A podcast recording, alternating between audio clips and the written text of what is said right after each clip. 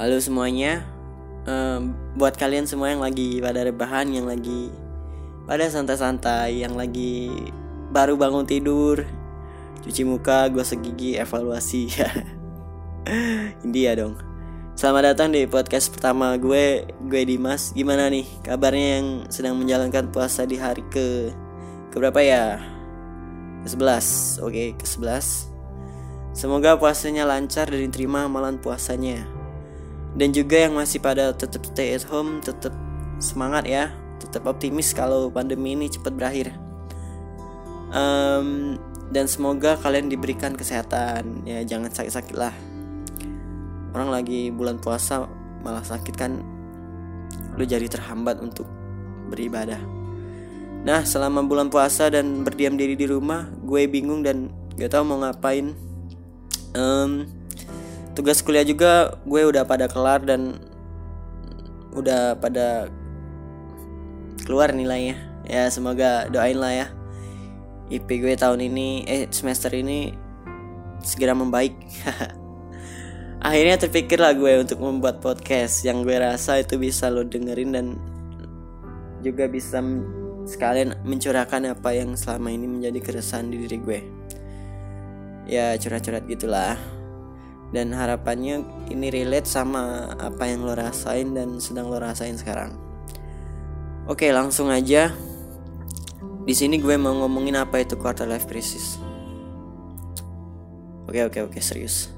Mungkin quarter life crisis ini udah banyak dibahas oleh podcaster lain yang bahkan lo pernah dengerin gitu. Nah, di sini gue cuma mau menceritakan apa yang gue alamin dan harapannya lo bisa ambil pelajarannya. Sebelumnya lo pernah gak sih um, ngerasain yang namanya quarter life crisis? Pernah? Oke. Okay. by the way arti life arti quarter life crisis sendiri adalah sebuah periode seseorang merasakan keraguan. Keraguan akan hal masa depan um, ataupun karirnya sendiri bahkan kisah asmaranya pun sendiri dia ragu gitu.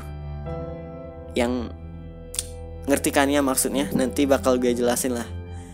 Yang dimaksud dengan keraguan tersebut seseorang merasakan akan ketidakmampuan dirinya untuk bisa mencapai beberapa poin tujuan seperti yang gue sebutin tadi. Basicnya quarter life crisis itu lo ngerasa lo tertinggal dari teman-teman lo dan lo ngerasa kalau lo cuma gini-gini aja. Hingga akhirnya lo ragu akan karir lo dan prospek ke depan lo entah beberapa tahun ke depan gitu. Menurut menurut gue menurut gue quarter life crisis ini timbul akibat banyak kita banyak ngebandingin diri kita sendiri dengan orang lain. Dan fase tersebut bakal lo alamin baik sadar maupun gak sadar. Uh, quarter life crisis ini fase yang gue rasa wajib dialamin tiap orang.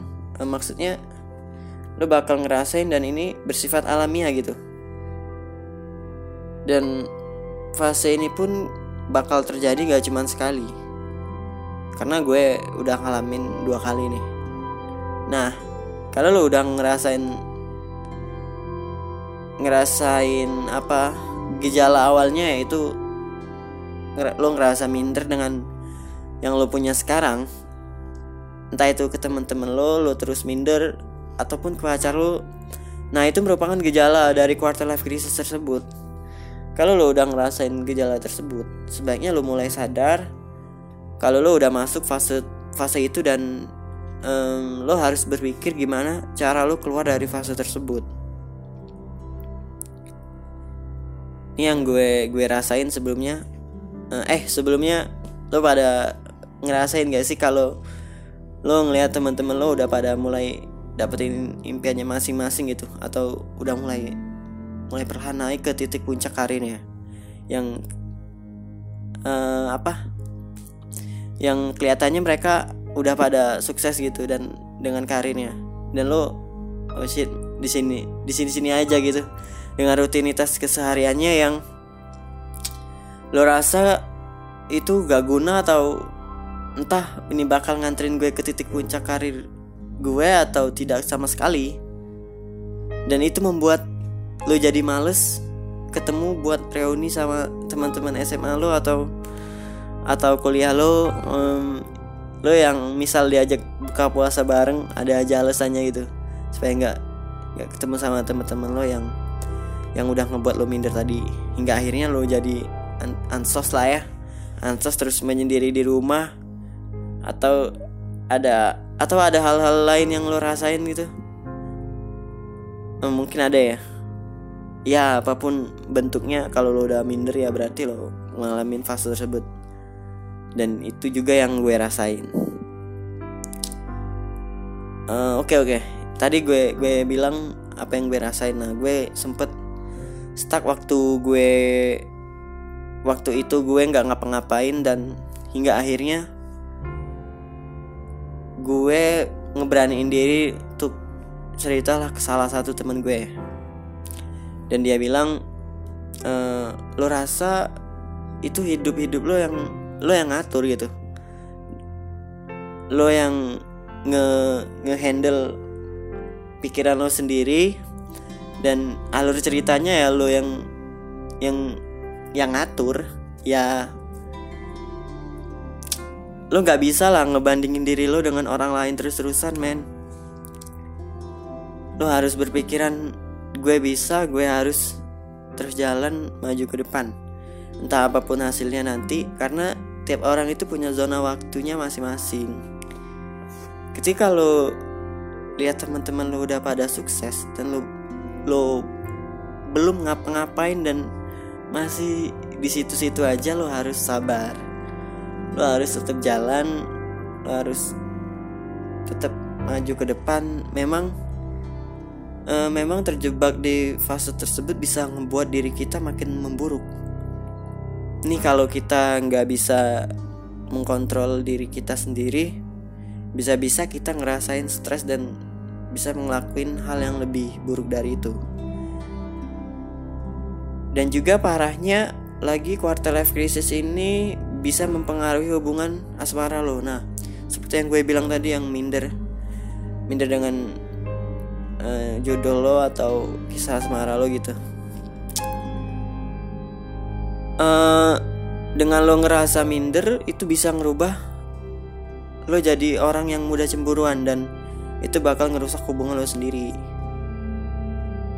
Kayak misal aduh gue bisa nggak yang uh, dapetin dia atau misal lo udah ngejalanin hubungan lo gue bisa nggak sih gue sampai ke titik puncak gue di kisah gue ini? Yaitu kepernikahan dengan dengan apa? Dengan prospek lo yang sekarang dan prospek dia yang berbeda jauh nah itu lo ngerasa minder. Paham kan? Nah kayak misal pacar lo main sama temen lawan jenis lo atau dia punya temen cowok temen cowok yang lo rasa value-nya lebih dari lo. Lo langsung marah dan langsung larang pacar lo karena karena lo ngerasa minder dengan apa yang teman pacar lo milikin dan lo langsung larang pacar lo buat temenan sama temennya yang tadinya. Lo ngebandingin diri dengan orang lain yang gue rasa itu nggak akan ada habisnya. Pasti bakal berasa banget lah dampaknya saat lo di fase quarter life crisis ini. Sebenarnya quarter life crisis ini itu uh, tergantung ya tergantung gimana kita menyikapi kejadiannya tersebut. Kita harus ya kita harus berpikir gue bukan nggak bisa emang ini belum zona waktunya zona waktu gue bukan sekarang dan gue harus sabar dan uh, uh, ya itu tiap orang gue rasa punya chance yang sama dan gitu kalau menurut gue dan itu bisa jadi solusi untuk kalian yang sedang berada di quarter life crisis ini. Nah, ada pepatah bilang, tiap orang bakal ngerasa kalau rumput tetangga itu bakal lebih hijau daripada rumput kita sendiri. Ya kan? Nah, itu tuh bisa lo jadiin apa ya? Semacam pengingat atau alarm lah bagi diri lo. Kalau lo itu harus menanamkan prinsip ini bukan bukan waktunya gue bukan waktunya zona waktu gue bukan waktunya gue mencapai titik karir tersebut mungkin nanti atau beberapa tahun ke depan dan lo harus banyak-banyak bersyukur dan bukan malah insecure. Banyak-banyak doa juga dan lo harus berusaha ngelakuin rutinitas lo seperti biasanya dan dan lo harus tetap maju ke depan dan lo harus tetap lakuin apa yang udah lo rencanain sebelumnya. Nah um, gue ngebahas ini atas dasar kegelisahan gue sendiri yang yang waktu itu pernah gue alamin gitu. Gue bisa ngelakuin eh, ngelakuin lagi. Ngelaluin fase ini eh, dengan cara gue banyak melakukan hal-hal yang produktif yang udah menjadi hobi gue. Misal kayak gue hobinya fotografi.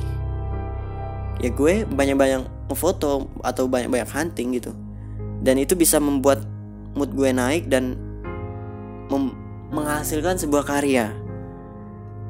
Nah itu lo harus lakuin juga kepada diri lo sendiri. Apa yang lo sukain dan apa yang udah menjadi rutinitas lo lo harus tetap lakuin hingga akhirnya lo lupa dengan apa yang udah lo pikirin tadi kan. Lo jadi nggak ngebandingin diri lo dengan orang lain lagi. Atau semacam lah ya semacamnya ya lah. Um, ya itu tadi lah ya uh, pokoknya lo harus banyak-banyak bersabar dan tetap banyak usaha juga. Lo harus yakin kalau lo bisa. Ya lo harus cepet sadar juga lah kalau lo lagi di fase tersebut. Dan lo harus cepet-cepet keluar supaya diri lo cepet membaik dan lo bisa menjalani aktivitas seperti biasanya tanpa ada bad mood bad mood. Oke. Okay. nah gini deh. Atau yang belum ngerasain juga bisa lah menjadi tolak ukur lo supaya lo nggak nggak nggak bingung nggak mau ngapain ketika lo udah terjebak di fase tersebut. Semoga gue ada kegelisahan selanjutnya yang nantinya bakal gue ceritain lagi kalau semua. Uh, oke okay, bye.